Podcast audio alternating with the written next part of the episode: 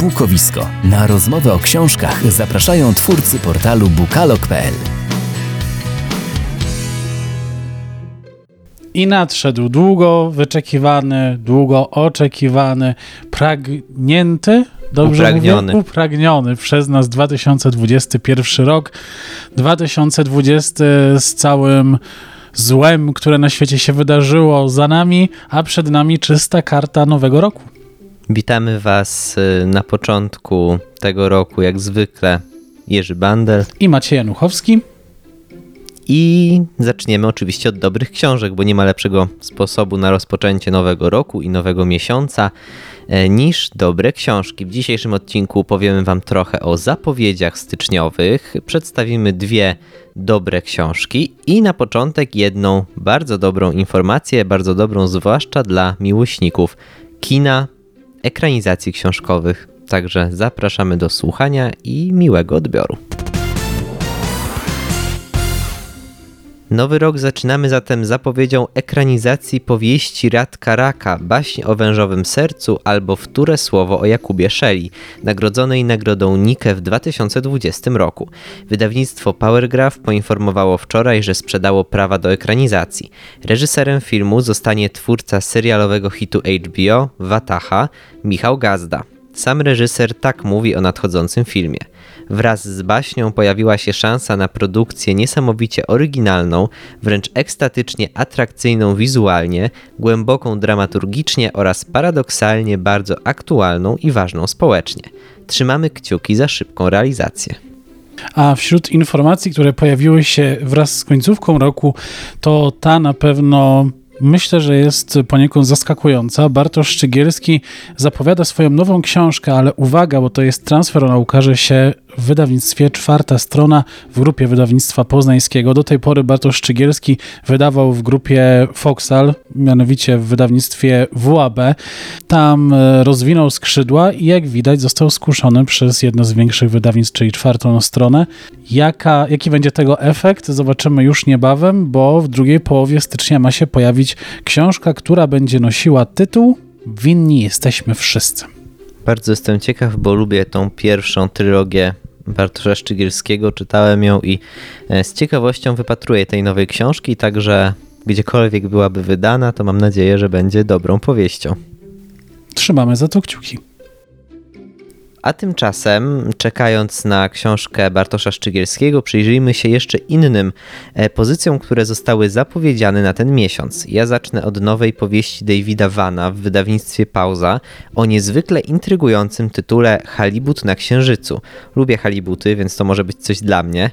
A tak poważnie to bardzo lubię powieść Vana, Brud, która znalazła się w moim top 10 ubiegłego roku, więc z niecierpliwością wypatruję kolejnej książki. Tym razem wydawnictwo zapowiada książkę bardzo osobistą, będącą w pewnym sensie rozliczeniem autora z samobójczą śmiercią jego ojca. Mam duże oczekiwania względem tej książki, ale jestem też prawie pewien, że się nie zawiodę. Ja się nie mogę doczekać z kolei kolejnej książki Marcina Margielewskiego, która już niebawem ukaże się na naszym rynku. Będzie to książka pod tytułem Modelki z Dubaju, a premiera już za tydzień, we wtorek. Jest to opowieść o dziewczynach, które lecą do Dubaju, gdzie marzy im się kariera modelek lub zostanie żonami bogatych szejków, a rzeczywistość okazuje się zdecydowanie inna. Zostają prostytutkami w kraju, w którym ten proceder jest nielegalny i surowo karany, a z drugiej strony bardzo powszechny. To opowieść o metodach przebiegłych handlarzy ludźmi. Druga propozycja ode mnie to kolejna książka Ursuli Le Guin, wydana przez wydawnictwo Pruszyński Spółka. Tym razem będzie to jedna z najsłynniejszych chyba książek, Księga Drogi i Dobra Lao Tzu w interpretacji pisarki. Jak sama napisała we wstępie, zazwyczaj tłumaczy się tę książkę jako podręcznik dla władców, podczas gdy ona chciała przełożyć ją na język zwykłych, współczesnych czytelników, niekoniecznie mężczyzn, ale osób, które po prostu dzisiaj, tu i teraz szukają zawartych w niej mądrości. To brzmi bardzo, bardzo ciekawie, może nawet nie tylko dla fanów twórczości tej autorki, bo przecież nie każdy lubi fantastykę, którą się głównie zajmowała. Kolejną propozycją ode mnie jest książka Którędy na wolność, historia pierwszej dziewczyny, która uciekła z Auschwitz. Jest to powieść inspirowana prawdziwą historią Janiny Nowak, pierwszej kobiety, której udało się uciec z Auschwitz. Jej ucieczka była powodem utworzenia pierwszej kompanii karnej dla kobiet. Autorką książki jest Marta Byczkowska-Nowak, która debiutuje tą powieścią. Tematyka jest mi bliska, więc z przyjemnością sprawdzę, jaki jest e, ten debiut. Premiera 19 stycznia. Na koniec oczywiście trzeci tom serii klimatycznej Majlunde pod tytułem Ostatni. Tym razem autorka historii pszczół i błękitu opisała historię wymierania koni Przewalskiego, znowu sięga po sprawdzony schemat trzech narracji trójki bohaterów żyjących w przeszłości, teraźniejszości i przyszłości, ale ponieważ świetnie sprawdził jej się w poprzednich powieściach, nie sądzę, by było w tym coś złego. Za książkę zabieram się na dniach i mam nadzieję, że spodoba mi się tak samo jak poprzednie. Premiera już niebawem, bodajże 13 stycznia i na pewno na kanale znajdzie się moja recenzja. To było na koniec od Ciebie, a na koniec ode mnie jeszcze jedna polska propozycja. Nakładem wydawnictwa Filia ukaże się kolejna komedia kryminalna Marty Obuch pod tytułem Do trzech chłopów sztuka. Główna bohaterka Matylda odkrywa zdradę swojego męża, postanawia, że rzuci bycie kurą domową i też zaszaleje.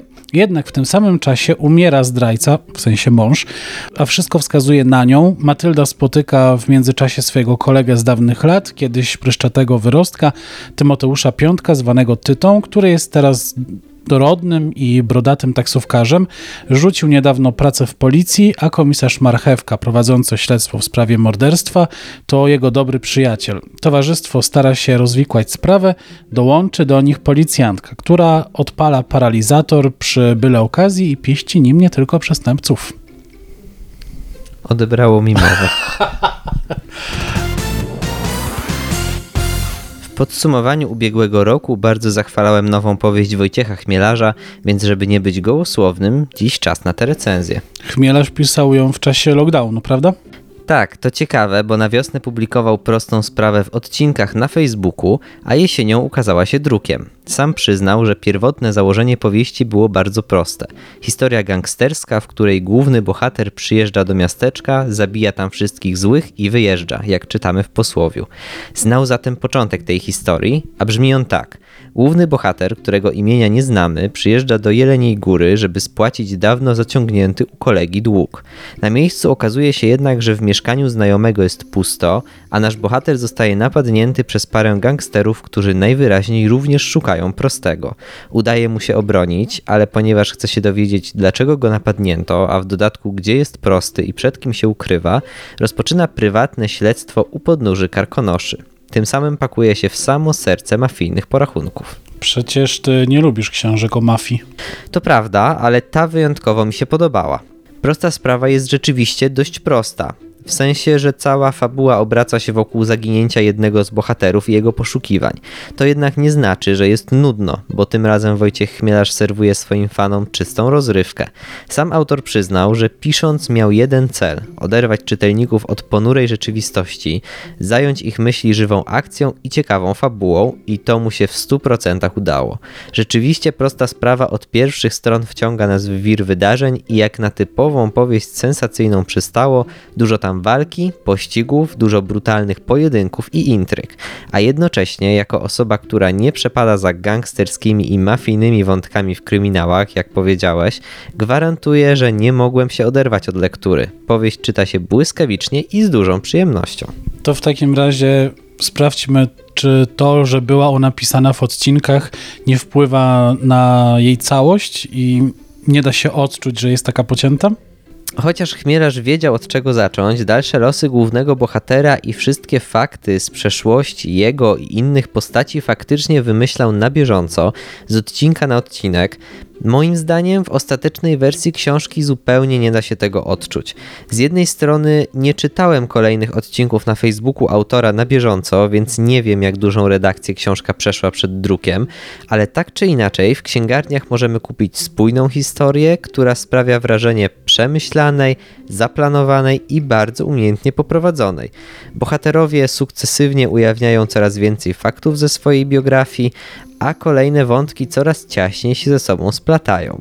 Mimo, że powieść gatunkowo wpisuje się bez wątpienia w powieści sensacyjne, Chmielarz jak zawsze zresztą inteligentnie żongluje znanymi motywami i uzyskuje dzięki temu nową jakość nieco przewidywalne momentami rozwiązania fabularne, jak to bywa w literaturze sensacyjnej, okraszone są świetnym językiem, do którego autor już nas przyzwyczaił, i udaną kreacją bohaterów, i to wszystko tworzy naprawdę fajną mieszankę. Do tego klimatu dodaje miejsce akcji, Jelenia Góra, okoliczne górskie lasy, o których nieraz było głośno w kontekście właśnie działań mafii i przemytników na zielonej granicy, stanowią świetne tło dla historii opowiadanej w prostej sprawie.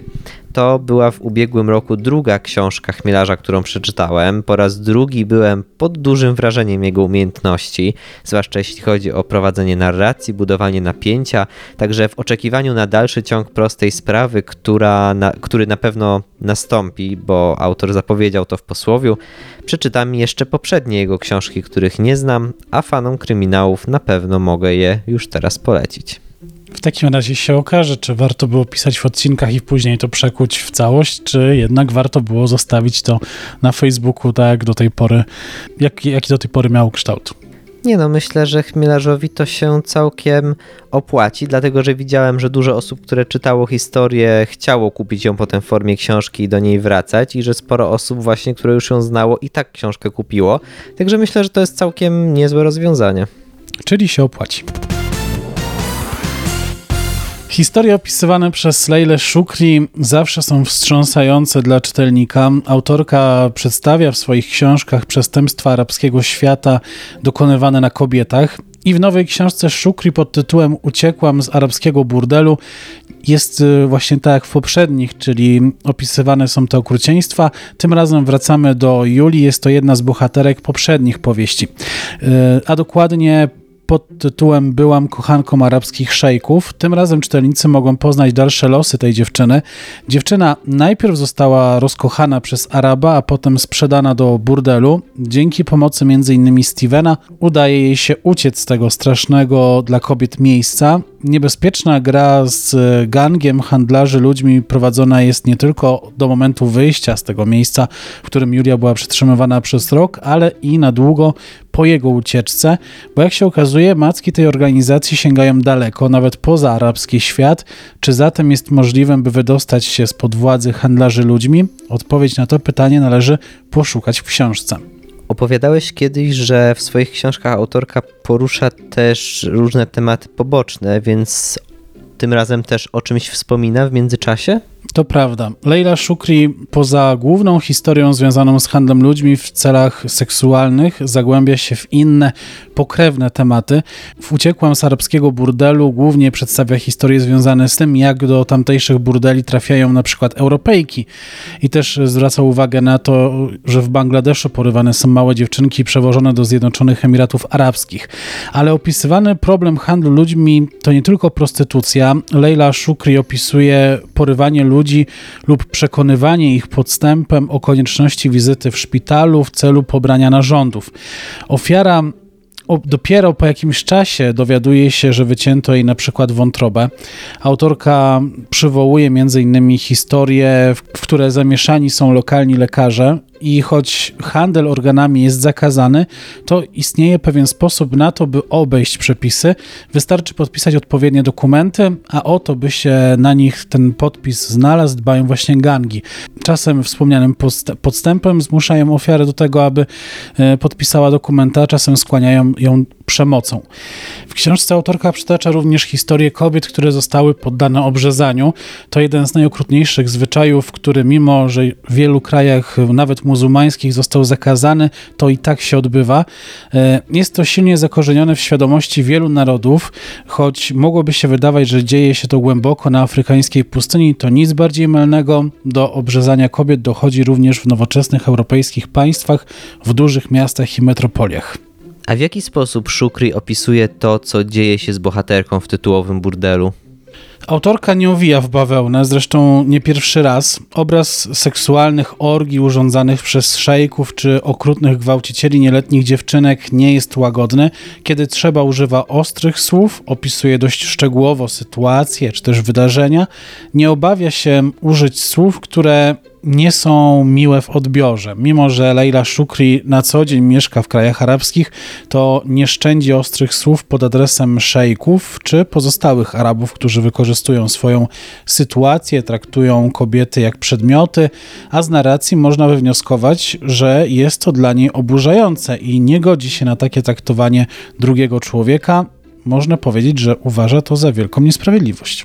Ale opisuje w książce tylko te złe strony tamtego miejsca? W trakcie lektury na szczęście natrafiamy na te dobre też momenty, co warte odnotowania. Pojawiają się one w kontekście tego całego zła, które wylewa się z kart powieści.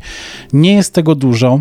Szczególnie wzrusza gest głównej bohaterki, która choć jest w najgorszym dla niej miejscu i chce się jak najszybciej z niego wydostać, to myśli najpierw o kimś innym, komu może uratować życie. Ogólnie po raz kolejny Leila Shukri serwuje czytelnikom potężną dawkę zła, które, jak podkreśla, dzieje się na naszych oczach i to w XXI wieku, w czasach, kiedy tak wiele jesteśmy w stanie zrobić. Handel ludźmi opisywany przez autorkę jest czymś, co ma się dobrze, na co jest przyzwolenie, co wykańcza jednych, a daje siłę, pieniądze i pozycję innym. To byłoby wszystko, co dzisiaj dla Was przygotowaliśmy, więc zmierzamy do końca, mając nadzieję, że jak zawsze znaleźliście jakieś ciekawe propozycje na początek roku bądź książki, na które w styczniu będziecie czekać. Ja już się nie mogę doczekać tych nowości. Kilka z nich zamówione zostało jeszcze na koniec roku i czekam e, na przesyłkę. Mam nadzieję, że e, nie zawiodę się na tych, na które postawiłem w dzisiejszym zestawieniu, tych trzech, które spodobały mi się. Zazwyczaj jednak różnie to bywa częściej dobrze się kończy dla mnie wybór, e, ten początkowy. Zobaczymy, jak będzie z początkiem tego roku w którym wiele oczekiwań jest, nie ukrywajmy. Mi pozostało jeszcze do przeczytania sporo książek z poprzedniego roku i wchodzę w ten z małymi zaległościami, więc na razie będziecie jeszcze u mnie słyszeć e, trochę o książkach opublikowanych pod koniec 2020, ale niebawem oczywiście też wejdziemy w nowości i premiery tego roku i myślę, że zrobi się jeszcze ciekawiej. Ja też mogę powiedzieć, że mam małe zaległości.